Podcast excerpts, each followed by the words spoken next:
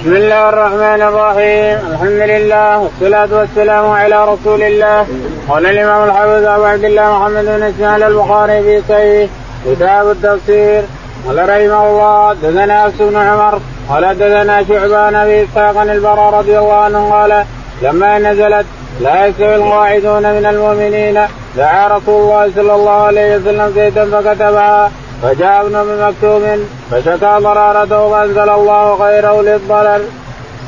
بسم الله الرحمن الرحيم الحمد لله رب العالمين صلى الله على نبينا محمد وعلى آله وصحبه أجمعين.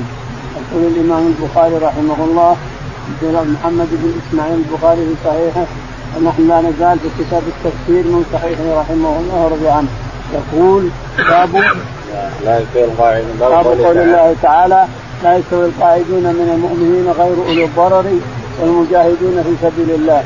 يقول رحمه الله حدثنا حفص بن عمر قال قال حدثنا شعبة. حدثنا شعبة. قال حدثنا أبو إسحاق. أبو إسحاق السبيعي.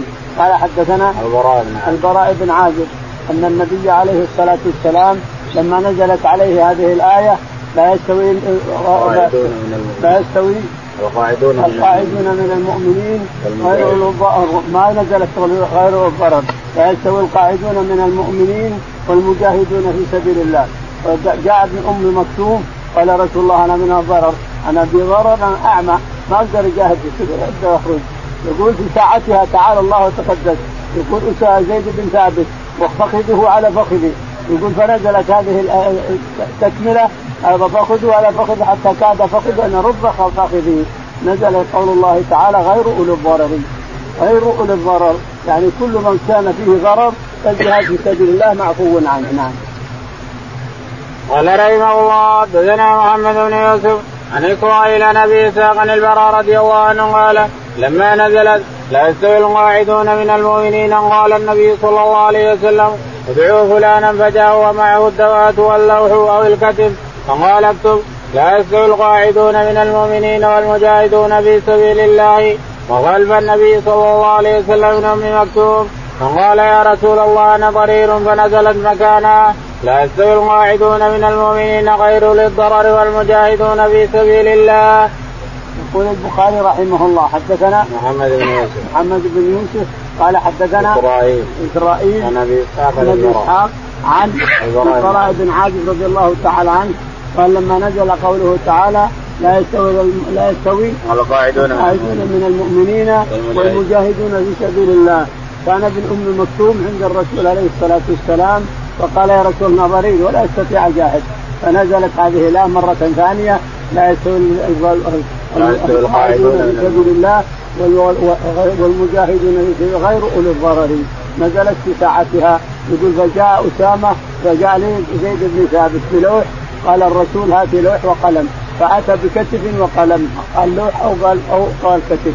فكتب حتى نزلت هذه الآية مرة ثانية إلى آخره. قال رحمه الله حدثنا إبراهيم بن موسى. قال حدثنا قال أخبرنا هشام أن ابن جريج أخبرهم. قال حدثني هشام قال أخبرنا عبد الرزاق. قال أخبرنا ابن جريج قال أخبرني عبد الكريم. أن مقسم مولى عبد الله بن الحارث أخبره. ان ابن عباس رضي الله عنهما أخبره لا يستوي القاعدون من المؤمنين عن بدر والخارجون إلى بدر. يقول البخاري رحمه الله حدثنا إبراهيم. إبراهيم قال حدثنا هشام. هشام قال حدثنا ابن جريج. ابن جريج قال ثم حول السند. ثم حول السند فقال حدثنا إسحاق. إسحاق قال حدثنا عبد الرزاق. عبد الرزاق قال عن ابن جريج. عن ابن جريج قال. عن عبد الكريم.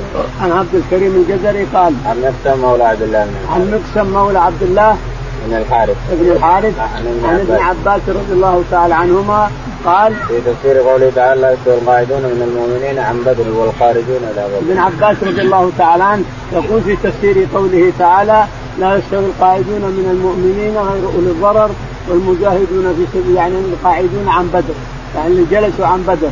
القاعدون عن بدر. لكن كعب بن مالك رضي الله تعالى عنه يقول إن بدر ما عوتب أحد ممن تخلف عليه.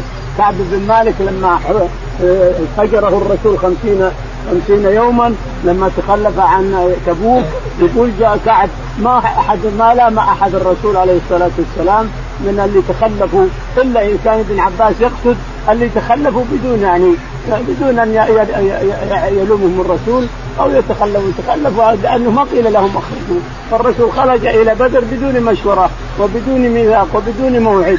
وتخلف ناس ما ما عوتوا ولا طولهم فكون يقول إنهم تخلفوا لا يستوي القاعدون من غير الضرر والمجاهدون هذه في بدر فكعب بن مالك نفى هذا. نعم. باب قوله تعالى إن الذين توفاهم الملائكة ظالمي أنفسهم قالوا فيما كنتم؟ قالوا كنا مستضعفين في الأرض.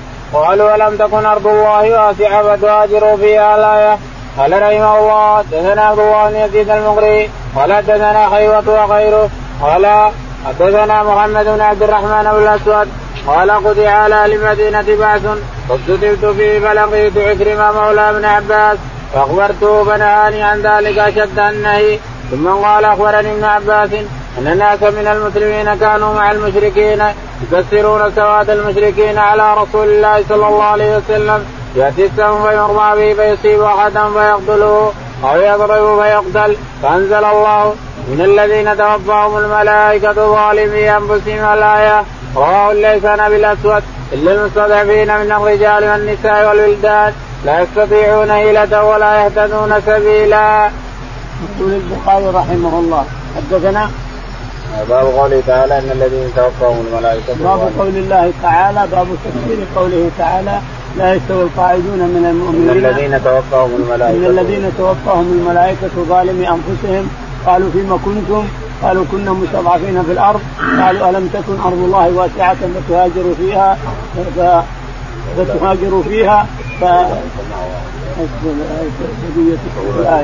فتهاجروا فيها مأواهم جهنم وساءت مصيرا. مأواهم جهنم وساءت مصيرا.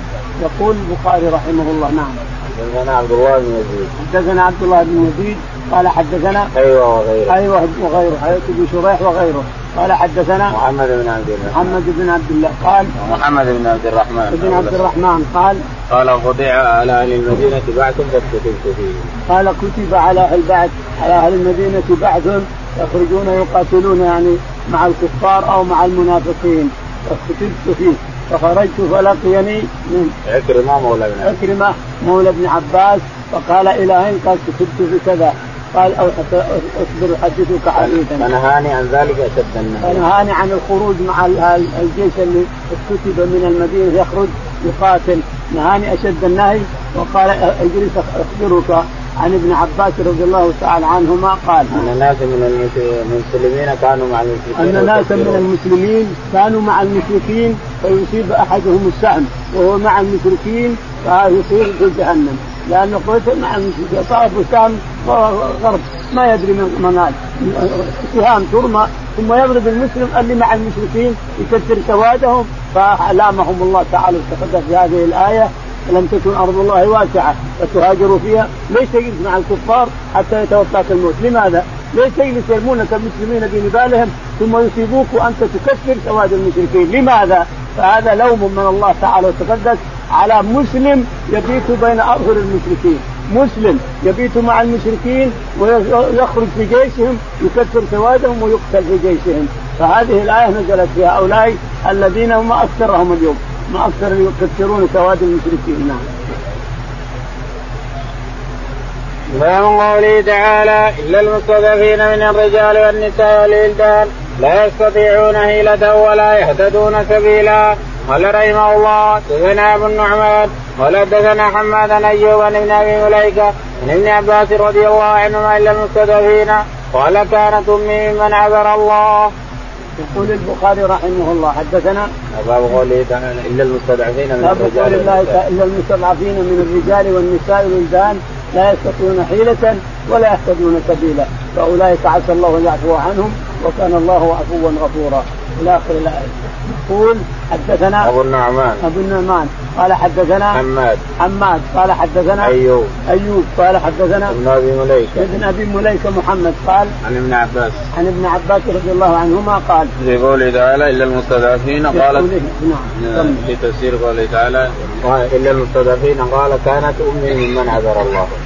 يقول ابن عباس رضي الله تعالى هنا كانت أمي يعني هو وأمه كما ورد في الأحاديث اللي سبقت في الليلة الماضية. يقول أنا وأمي من المستضعفين في الأرض اللي نستطيع لا نستطيع أن نهاجر من المشركين من مكة ولا نستطيع أن نعمل حاجة ولا لنا حيله ولا نستطيع أن نهاجر إلى المدينة ما لنا حيلة ولا عندنا قوة ولا نستطيع نخرج. لبابه بنت الحارث الهلالية وابنها العباس والفضل وغيرهم. ومن ممن هو عذروا يقول ممن عذروا لأنهم لا نستطيع أن نهاجر إلى المدينة. نعم. باب قوله تعالى وعسى الله أن يعفو عنهم وكان الله عفوا غفورا قال رحمه الله دثنا أبو نعيم قال دثنا شيبان يحيى نبي سلمة عن أبي هريرة رضي الله عنه قال بين النبي صلى الله عليه وسلم يصلي العشاء السعيد قال سمع الله لمن حمده ثم قال قبل أن يسجد اللهم نجي وعياش بن أبي ربيعة اللهم نجي سلامة بن هشام اللهم نجي الوليد بن الوليد اللهم نجي المستضعفين من المؤمنين اللهم اشد وطأتك على مدر اللهم اجعلها سنين كسنين يوسف.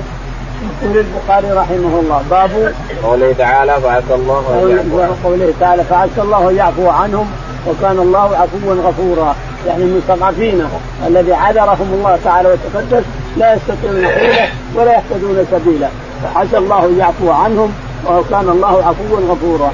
يقول البخاري رحمه الله حدثنا أبو نعيم. أبو نعيم قال حدثنا شيبان. شيبان قال حدثنا يحيى. يحيى قال عن أبي سلمة عن أبي هريرة. عن أبي سلمة بن عبد الرحمن عن أبي هريرة رضي الله تعالى عنه أن النبي عليه الصلاة والسلام قال نعم. بينما النبي صلى الله عليه وسلم يصلي العشاء قال سمع الله لمن حمده. يقول بينما النبي يصلي العشاء إذ قال سمع الله لمن حمد ربنا ولك الحمد. ثم مد يديه إلى السماء وقال اللهم أنجي الوليد بن الوليد وأنجي عياش بن ربيعة وأنجي سلمة بن سلمة بن يقول الثلاثه يدعو لهم أن الله ينجيهم لأنهم يعذبون بمكة. بمكة عند قريش يعذبونهم. ثم قال اللهم اسجد وطأتك على مضر. يعني إن قريش من أبناء مضر. قريش من أبناء مضر. وأخوه ربيعة في الخليج أخوه ربيعة مضر وربيعة أشقاء. أخوه ربيعة في أهل الخليج ومضر أهل مكة وأهل الحجاز كافه يسموها من من من ابناء مضر الشاهد اللهم اشدد وقتك على مضر يعني بسني كسني يوسف يعني قحط ومحل إلى آخره. نعم. ومن قوله تعالى ولا جناح عليكم إن كان بكم أذى من مطر أو كنتم مرضى أن تضعوا أسلحتكم قال رحمه الله دثنا محمد بن مقاتل أبو الحسن قال أخبرنا حجاج بن جريج قال أخبرني على سعيد بن جبير عن ابن عباس رضي الله عنهما في قوله تعالى إن كان بكم أذى من مطر أو كنتم مرضى. قال عبد الرحمن بن عوف كان جريحا. يقول البخاري رحمه الله حدثنا وقوله تعالى ولا جناح عليكم قول الله تعالى ولا جناح عليكم إن كان بكم أذى من مطر أو كنتم مرضى أن تضعوا أسلحتكم. يعني إذا كنا مسافرين ونقاتل في سبيل الله والجيش المشرك أمامنا ونحن مصافين إليه ويقول الله تعالى وتقدس إذا كان بكم أذى المطر نزل ما نقدر نقاتل. ضعوا أسلحتكم لكن خذوا حذركم. خذوا حذركم. فإنهم انقضوا عليكم ما تركوا منكم ولا واحد. خذوا حذركم ولكن لا جناح عليكم. أن تضعوا حذركم متى؟ إذا كنتم مرضى أو كنتم على سفر. هذا يقول البخاري أو يقول من من فوقه إن عبد الرحمن بن عوف كان مريضا. فنزلت في هذه الآية. ابن عباس. ابن عباس. ابن عباس يقول إن عبد الرحمن بن عوف كان مريضا في تلك الغزوه فعذره الله تعالى. جريحا. كان جريحا نعم. جريحا يعني من من القتال. من قاتلوهم فجرح بعض الصحابة وقتل بعض المشركين فنزلت هذه الآية. نعم.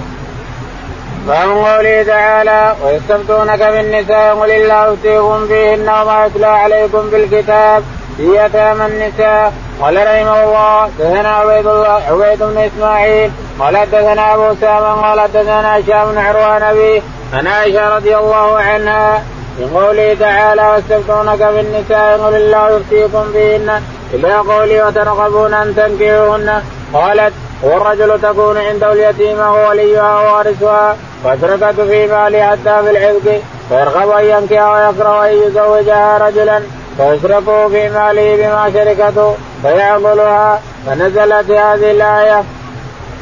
يقول البخاري رحمه الله باب قول الله تعالى يستفتونك في النساء. يستفتونك في النساء. هذه الآية نزلت مرتين. مرتنا البارح يستفتونك في النساء قل الله يفتيكن فيهم وهي القصة واحدة.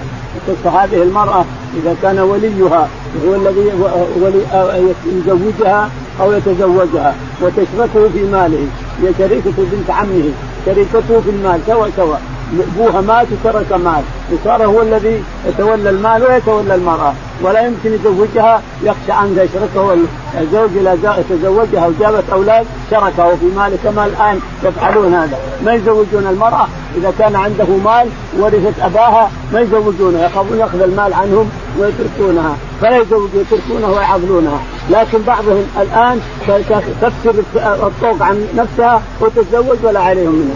تروح للمحكمة وتزوجها المحكمة ولا عليها من ولي أمرها. يحبسها ما يحبى عليها منه. تذهب المحكمة ويزوجها ويجيب ولي أمرها يجيب الزوجة اللي خطبها يزوجها المحكمة وتصير البنت رجل وتزوج وتجيب أولاد ولا عليها من أحد.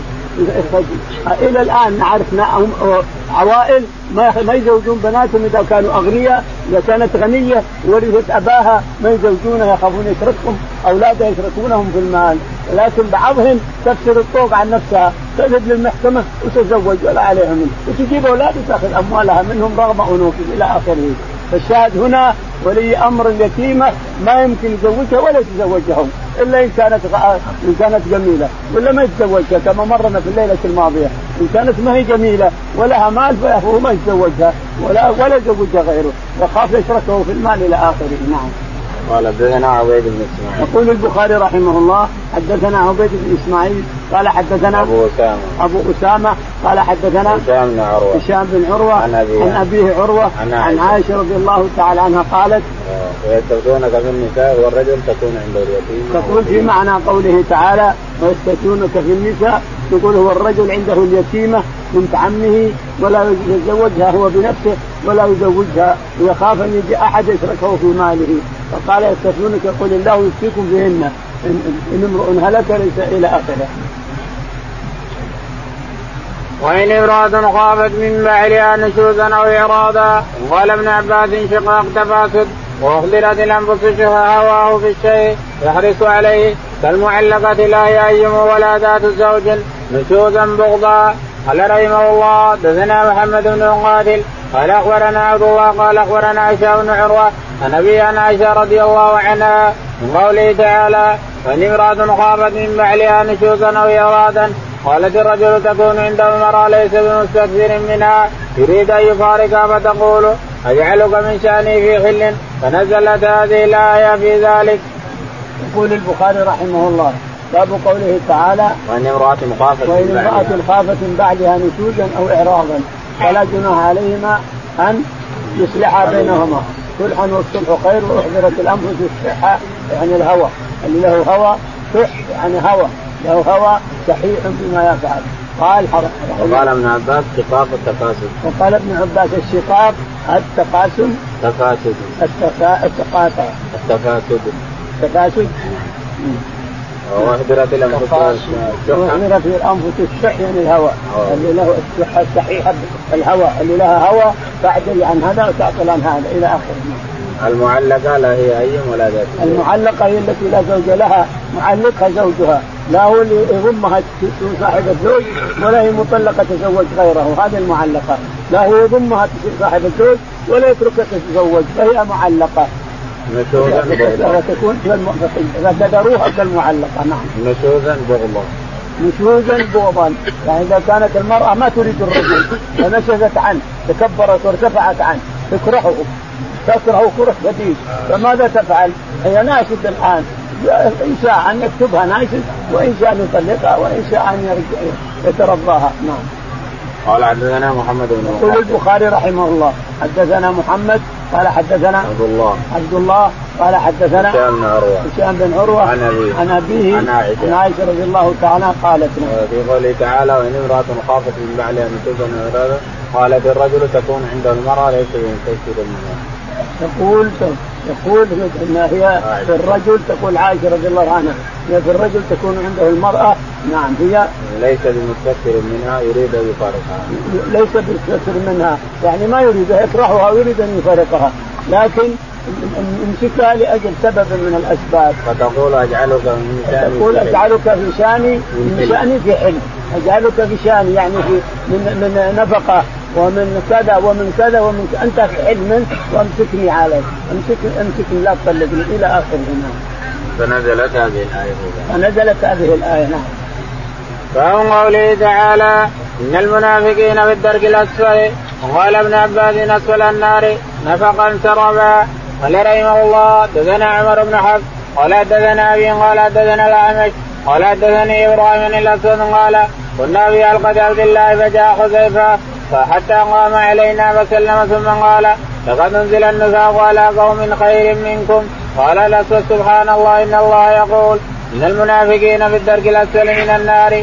فتبسم عبد الله وجلس حذيفة في ناحية المسجد فقام عبد الله فتفرق أصحابه فرماني بالحسى فاتيته فقال حذيفة عجبت من ضحكه وقد عرف ما قلت لقد أنزل النفاق على قوم كانوا خيرا منكم ثم تابوا فتاب الله عليهم.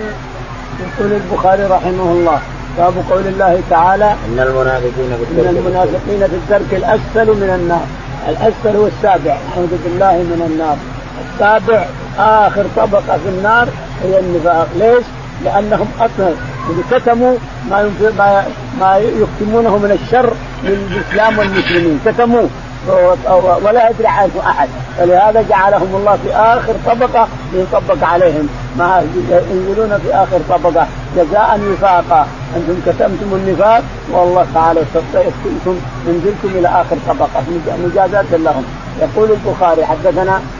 قال ابن عباس أسفل النار. قال الطبقة آخر النار. يعني أسفل النار. أسفل طبقة في النار السابعة. نعوذ بالله. نفقا ضربا إن المنافقين في الدرك الأسفل من النار. طبقا ضربا قال حدثنا عمر بن حفص. يقول حدثنا عمر بن حفص بن غياث. عن أبي. عن أبي عمرو بن غياث. قال حدثنا الأعمش. الأعمش. قال حدثنا إبراهيم. إبراهيم عن الأسود. عن الأسود. قال كنا عند في حلقة عبد الله فجاء حذيفة. نقول كنا في حلقة عبد الله بن مسعود رضي الله عنه فجاء حذيفة ووقف علينا وقال كان المنافقون منافقون خير منكم. كان المنافقون خير من منافقي هذا الزمان. أو قال خير منكم إلى آخره. ثم تنحى وجلس حذيفة رضي الله عنه. حذيفه يقصد المنافقين اللي تابوا وتاب الله عليهم؟ هذا قصد حذيفة. لكن جماعة واحد ما ما فهموا قصده. ابن مسعود فهم قصده. يقول فقام ابن مسعود وتفرق أصحابه عنه. فقام فرمى فرماني بالحجر. فرماني بحجر. فأتيت إليه فقال نعم. وقال حذيفة عجبت من ضحكك فقال حذيفة عجبت من ضحكك. فابحث. أنا أقصد أن المنافقين كانوا منافقين صح. ولكنهم تابوا وتاب الله عليهم وهو خير من المنافقين اليوم. نعم. فمن قوله تعالى انا أوحينا إليك إلى قوله ويونس وهارون سليمان قال رحمه الله دثنا مسدد قال دثنا يحيى بن سفيان قال دثني الأعمش نبي وائل عبد الله رضي الله عنه للنبي صلى الله عليه وسلم قال ما ينبغي لأحد أن يقول أنا خير من يونس بن متى. يقول البخاري رحمه الله. باب قوله تعالى انا اوحينا اليك كما اوحينا نوح والنبيين من بعده يونس إلى يونس وغيره بن متى رضي الله عنه. يقول البخاري حدثنا مسدد. مسدد. قال حدثنا يحيى. يحيى. قال حدثنا سفيان. سفيان. قال عن الاعمش عن أبي وائل. عن الاعمش عن أبي وائل. عن عبد الله. عن عبد الله بن مسعود رضي الله عنه.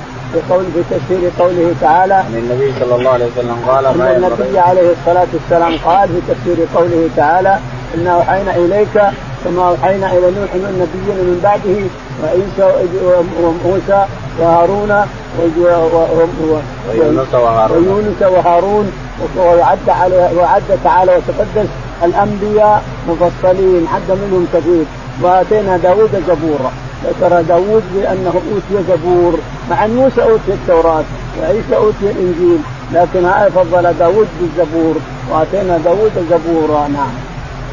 قال النبي صلى الله عليه وسلم ما ينبغي لأحد أن يقول أنا خير من يونس يقول النبي عليه الصلاة والسلام ما ينبغي لأحد أن يقول أنا خير من يونس بن متى. السبب في هذا أن يونس عليه الصلاة والسلام كانه هرب هرب من ربه من قومه. لما دعاهم أكثر من من 100 ألف. دعاهم إلى الله فتلكأوا عليه فدعاهم فتلكأوا عليه فدعاهم فهرب منهم. هرب منهم.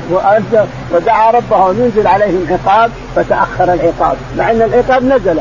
العقاب نزل. لكنهم خرجوا إلى الصحراء. ما درى يونس عليه الصلاة والسلام. ما درى. خرجوا إلى الصحراء وفرقوا بين الأم وولدها والناقه وفصيلها والبقره وفصيلها والنعجه وكذا فرقوا بين الجو كله يصيح. كل الجو يصيح. توبة إلى الله تعالى وتقدم. فالله رحيم ودود تعالى وتقدم. ما درى يونس عليه الصلاة والسلام. ذهب حتى ركب في سفينة ولما توسط في البحر وقفت السفينة في البحر في لجة البحر. وكان العادة أن السفينة لا تقف في وسط اللجة إلا فيها إنسان هارب من عن سيده. عبد هارب من سيد من ربه. عبد هارب من سيده. فوقفت السفينة. السفينة ما فيها عبد. ما شافوا عبد ما يرون عبد. قالوا اقطع يا جماعة ما في ما في أحد هرب من ربه من عبد من ربه. ما في عبد مملوك هرب من عبده. أقرعوا. فأقرعوا فوقعت على يونس الله نبي الله يقع عليه. أقرعوا. أقرعوا الثانية. أقرعوا الثالثة تقع على يونس عليه الصلاة والسلام. فعرف أنه هو اللي هارب من ربه. فرمى نفسه في البحر والله تعالى وتقدس أرسل سفينة من آخر البحار من البحار المحيطات الكبار. سفينة كبيرة وأوحى إليها أنه ليس رزق ليس رزقك وإنما سجن. بطن السجن له ولا ليس رزقك ترعينه وتنفذ أضلاعه. ليس رزق وإنما سجين فسجنه الله ثلاثة أيام بلياليها وشفع به ملائكة البحار قال يا ربنا نسمع صوتا يدعوك ويهلل ويكبر.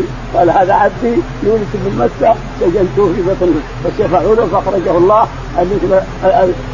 الفرخ المنتوج ريشه على الساحل حتى رباه الله تعالى وتقدس وأنبته وأرسله إلى قومه. قومه وما مشى بهم كما يريد رب العالمين تعالى وتقدس.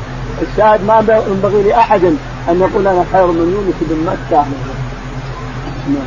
قال رحمه الله دثنا محمد بن سنان قال دثنا فلان قال دثنا هلال عن عطاء بن يسار ان أبي هريرة رضي الله عنه للنبي صلى الله عليه وسلم قال من قال أنا خير من يونس بن متى فقد كذب.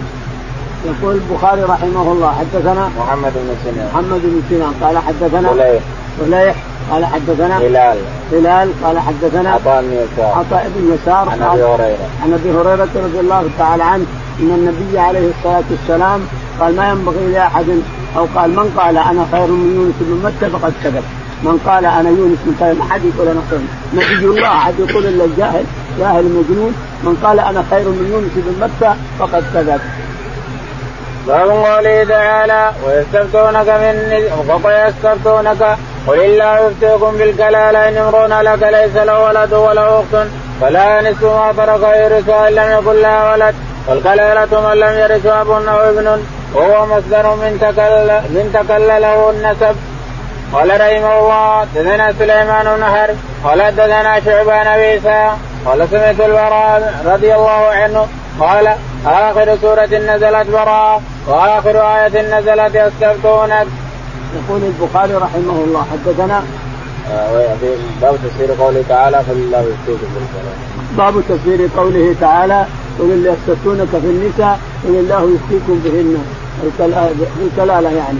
يفتيكم بهن. قال حدثنا ولله يفتيكم بالكلالة إن امرؤ هلك ليس له ولد ولله يفتيكم بالكلالة. إن امرؤ هلك ليس له ولد يعني لا ولد ولا ابن. الكلالة ما له الا اخوه مات عن إخوة.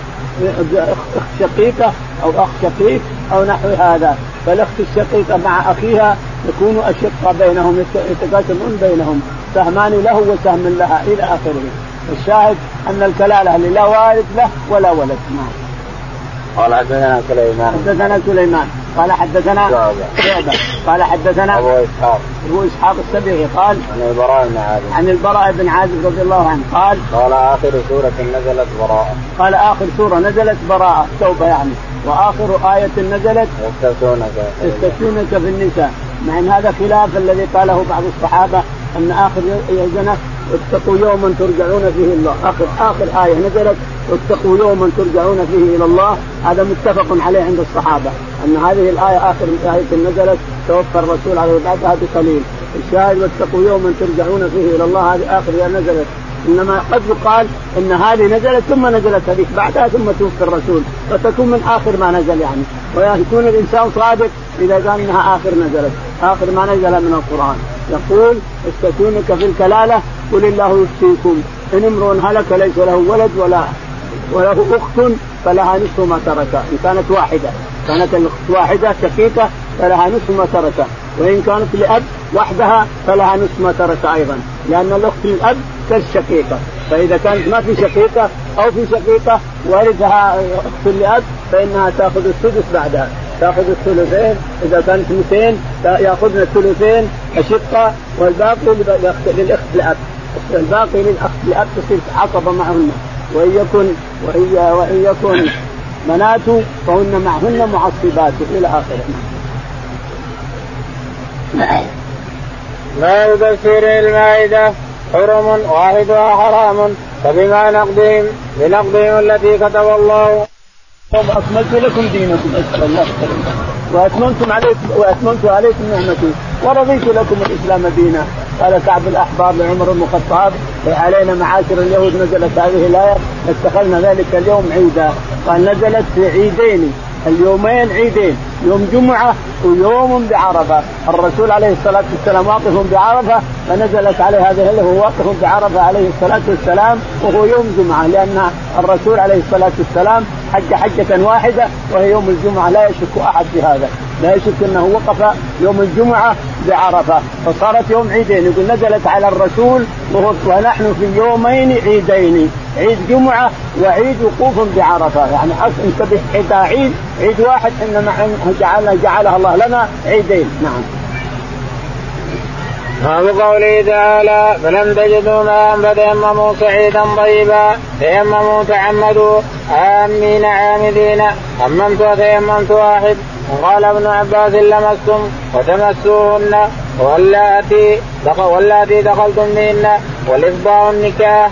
قال رحمه الله حدثنا إسماعيل قال حدثني مالك عن عبد الرحمن بن القاسم عن أبيه عن عائشة رضي الله عنها زوج النبي صلى الله عليه وسلم قالت خرجنا مع رسول الله صلى الله عليه وسلم في بعد أسفاره حتى إذا كنا بالبيداء وبذات الجيش انقطع عقد لي فقام رسول الله صلى الله عليه وسلم على التماسي فقام الناس معه وليسوا على معي وليس معهم ماء فأتى الناس إلى أبي بكر الصديق وقالوا ألا ترى ما سنت عائشة؟ وقامت برسول الله صلى الله عليه وسلم الناس وليسوا على معي وليس معهم ماء فجاء أبو بكر ورسول الله صلى الله عليه وسلم واضع راسه على فخذه قد نام. فقال حبستني رسول الله صلى الله عليه وسلم والناس وليسوا على معي وليس معهم ماء قالت عائشة فاتبني أبو بكر وقال ما شاء الله يقول. وجعل يطعنني بيده في قاصرتي ولا يمنعني من التحرك إلا مكان رسول الله صلى الله عليه وسلم على فخذه وقال رسول الله صلى الله عليه وسلم حتى اصبح على غير ماء فأنزل الله آية التيمم. وقال سيد بن خدير ما هي بأول بركتكم يا آل أبي بكر؟ قالت فبعثنا البعير الذي كنت عليه. فاذا اللي تحته. يقول البخاري رحمه الله. حدثنا باب قوله تعالى فلم تجدوا ماء باب قوله تعالى فلم تجدوا ماء فتيمموا صعيدا طيبا. يعني لو لامستم النساء أو نقصت الوضوء للإنسان فتيمموا في التراب. تضرب مرتين كذا مرة كذا للظهر ومرة لليدين بعضها البعض. الأول لليدين للوجه الأول الرياحه للوجه والثانية للكفين إلى آخره. وإن ضربت ضربة واحدة كما في حديث عمار ضربة واحدة فيجعل الظهور بطون اليدين لك وظهورهما لبعضهم جائز لأن عمار ذكر أن الرسول تيمم واحدة ضربة واحدة. الشاهد جائز ضربتين وهي أكمل وأوفر. يقول البخاري حدثنا تيمموا تعمدوا فتيمموا تعمدوا تيمموا تعمدوا بالتيمم على التراب نعم. آمين عامدين آمين عامدين قاصدين نعم. عممت وتيممت. عممت يعني تيممت. تيممت أو اممت يعني مشيت التيمم أو كلها يعني مشيت في الطريق الإنسان. لمم فلان يعني قصد كذا وكذا. نعم. وقال ابن عباس لمستم وتمسوهن والتي دخلتم. وقال ابن عباس لمستم لمستم النساء ولمستم النساء. هذه قراءة الشافعي رضي الله تعالى عنه. لكنه مشكلة على الشافعيين مساكين إذا كان في المطاف ولمست في المرأة راح يتوضأ ثم جاء ثم لمسته ثم راح يتوضأ ثم جاء ثم لمس هذه شغلة هذه. أروح وجهي وأروح وجهي بس يروح الوقت وهو ما, ما, ما انتهى. كل ما المرأة راح يتوضأ. لكن الأفضل عندي أن يجعلوا مذهبهم مذهب مالك أو أبي حنيفه أو أحمد في الطواف فقط وما عذاب كيفهم. لكن كوني مجرد ما أقول ما أقول كذا ينتكس الوضوء لأن الشافعي أو لمستم النساء فلم تجدوا ماء فتيمموا. قراءة الثلاثة أو لامستم يعني جامعتم. معناها جامعتم النساء. ما هو لمستم ما تلمس أو لامستم النساء فلم تجدوا ماء فتيمموا صعيدا طيبا. نعم.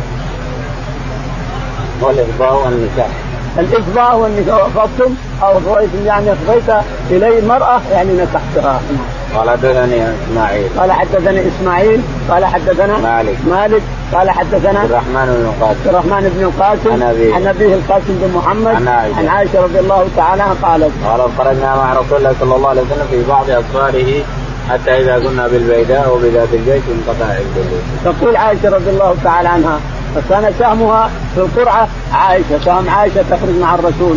دائما يقرع عليه الصلاة والسلام بين نسائه لما وقع عليها القرعة خرجت معه. فهذه الغزوة أو هذه السريه وقع على عائشة فخرج بها معه. تقول نحن مع الرسول عليه الصلاة والسلام فانقطع عقد لي لبسته على صدرها فانقطع العقد ولا ندري وينه. فجاء فأقام الرسول نزل الرسول كان يمشي ونزل لما أخبرته أن عقدي انقطع ولا أدري وينه نزل عليه الصلاة والسلام لأجل نبحث عنه. إن كانوا بعيد أو قريب نبحث عنه. في بعض الروايات أنه انقطع وأنها وجدته بعدما راحت وجدته وهي الذي تأخر مع صفوان بن المعطل. لكنها قصة غير القصة هذه. قصة المعطل غير القصة هذه. فالشاهد أن الرسول عليه الصلاة والسلام نزل وجلس وكان وكان الناس. ليس على ماء ولا معهم ماء لا معهم ماء وليسوا على ماء فجاء أبو بكر ولام الناس عائشة. أو لاموا قال كيف عائشة تنزل الناس تنزل الرسول عليه الصلاة والسلام في أرض ليس فيها ماء ولا عندنا ماء. كيف نتوضأ؟ يعني التيمم ما نزلت كيف نتوضأ؟ لا عندنا ماء ولا معنا ماء. وتنزل وينزل الرسول في أرض أرض ليس فيها ماء ولا عندنا ماء. فجاء يلوم ابنته والرسول عليه الصلاة والسلام رأسه على فخذها. وكان يطعنها في شاكلتها بخاصرتها كذا وتقول يوجعني لكن ما أقدر أتحرك لأن رأس الرسول على فخذها يقول لما قرب الصباح استيقظ الرسول عليه الصلاة والسلام وقام ووصل الوقت فنزلت آية التمم تعالى الله تقدس فنزلت. لم تجدوا ماء فتيمموا صعيدا طيبا. يقول سيد بن حضير رضي الله عنه ما هي بأول بركتكم يا آل أبي بكر؟ نزل التيمم اضرب بيديك خلاص. المسلم عنده صعيده وطهوره وإن لم يجد الماء عشر سنين.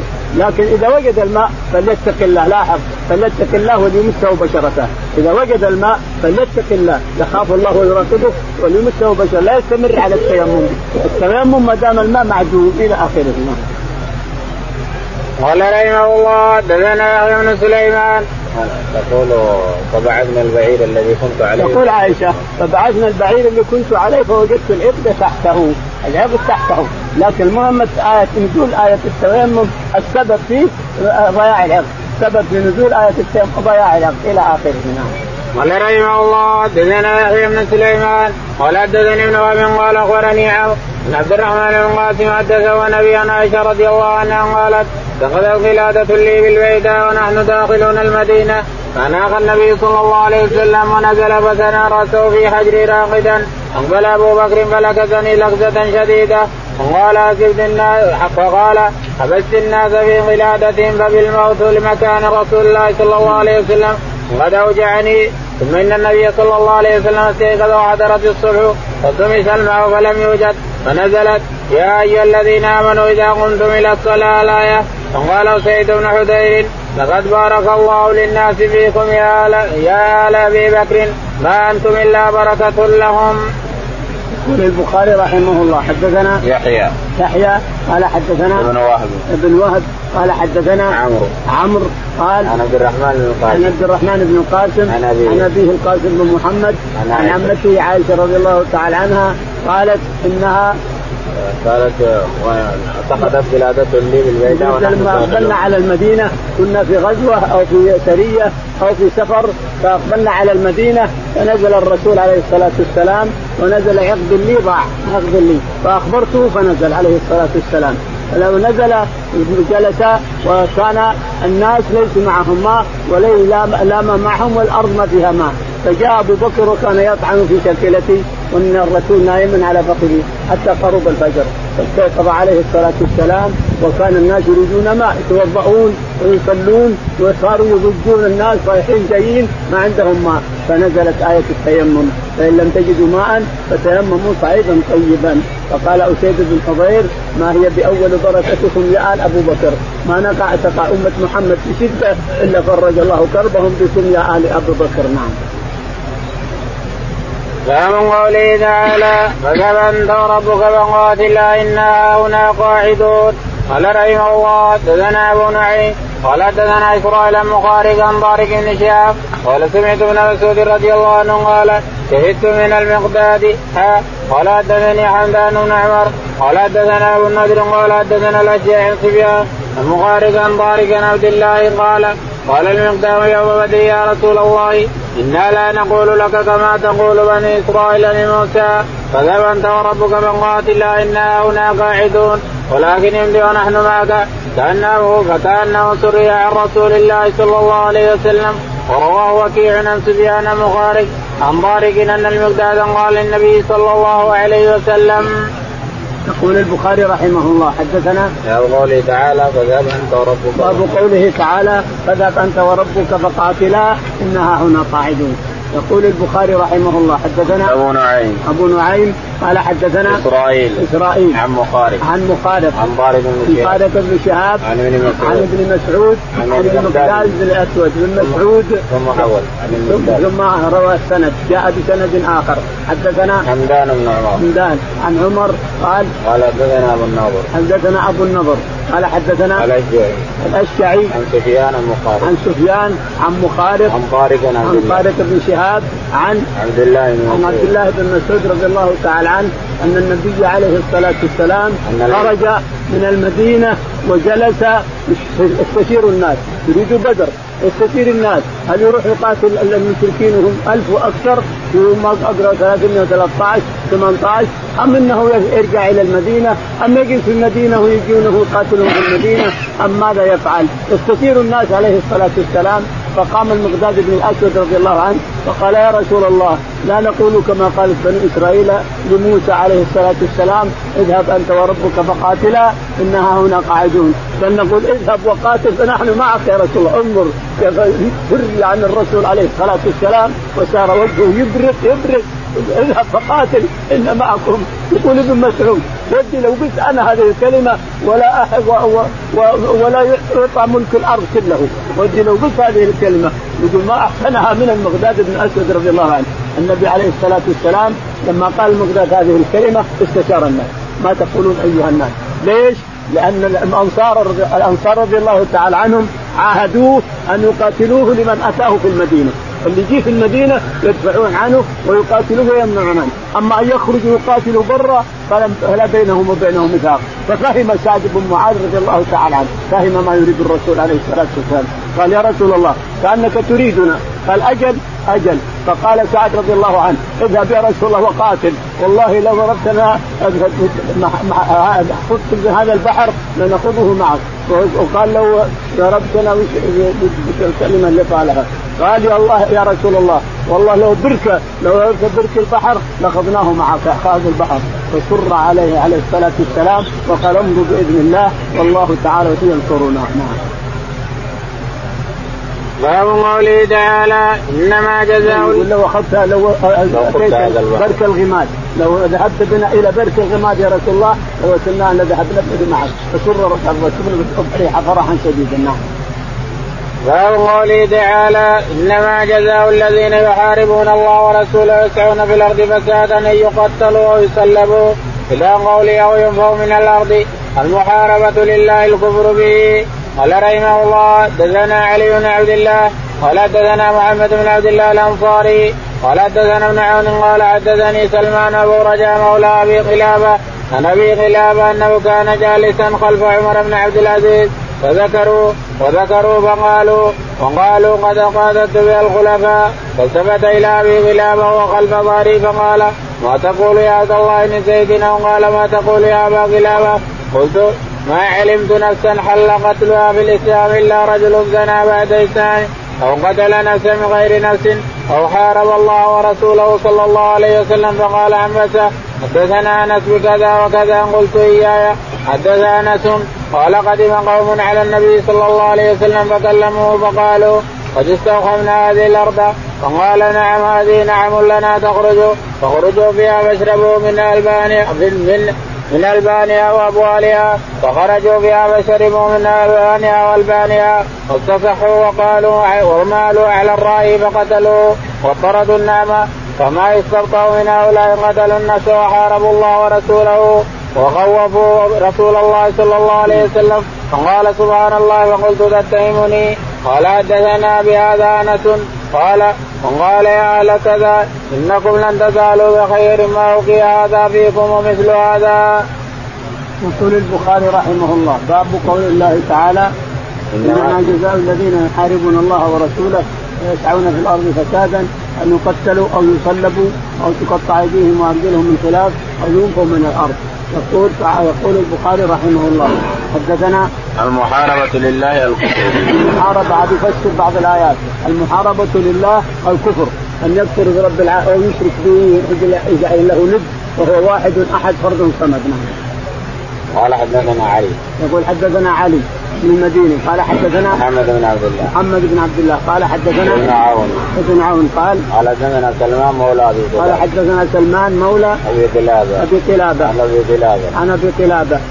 كان جالس خلف عمر بن عبد العزيز. يقول كان أبي قلابه عبد الله بن زيد اسمه جالسا خلف عمر بن الخطاب كان عمر بن عبد العزيز رضي الله تعالى في خلافته. وذكروا وذكروا ذكروا وتذاكروا هذه الآية. وقالوا قد اخذت بها الخلفاء وقالوا قد أفادت بهذا الخلفاء قد افادت أفادت بهذه الخلاصه نعم. الخلفاء. هذه هذه الخلفاء يعني. نعم. فالتفت إلى أبي كلابة وهو خلف ذلك فقال ما تقول يا عبد الله فالتفت إلى أبي كلابة. اسمه عبد ما تقول عبد الله بن زيد. قلت ما علمت نفسا حل الله قتلها بالاسلام إلا رجل زنى بعد اسلام قلت ما علمت نفسا حل الله قتلها إلا رجل زنى في الإسلام نعوذ وهو محصن أو قتل نفسا بغير نفس أو, أو حارب الله. أو حارب الله ورسوله يعني كفر بالله. فهذا يقتل. وما عداه ما يقتل. هذا كلام الجهمي. فقال عنبسة الجرمي نعم. فقال عنبسة عن عن أنس مثل ذلك. فقال عنبسة عن أنس بن مالك مثل هذا أنها لا تحل لا يحل قتل مسلم إلا بإحدى ثلاث السيب الزاني والنفس بالنفس والتارك لدينه الكافر. هذا يحل دمه وما عدا ما يحل دم مسلم اطلاقا. قال وقال يا أهل كذا إنكم لن تزالوا بخير ما أوتي هذا. قال إنكم يا أهل هذه البلدة لا تزالوا بخير ما كان فيكم موجودا هذا والله أعلم. اللهم اهدنا فيمن هديت وعافنا فيمن عافيت وتولنا فيمن توليت. اللهم توفنا مسلمين والحق بالصالحين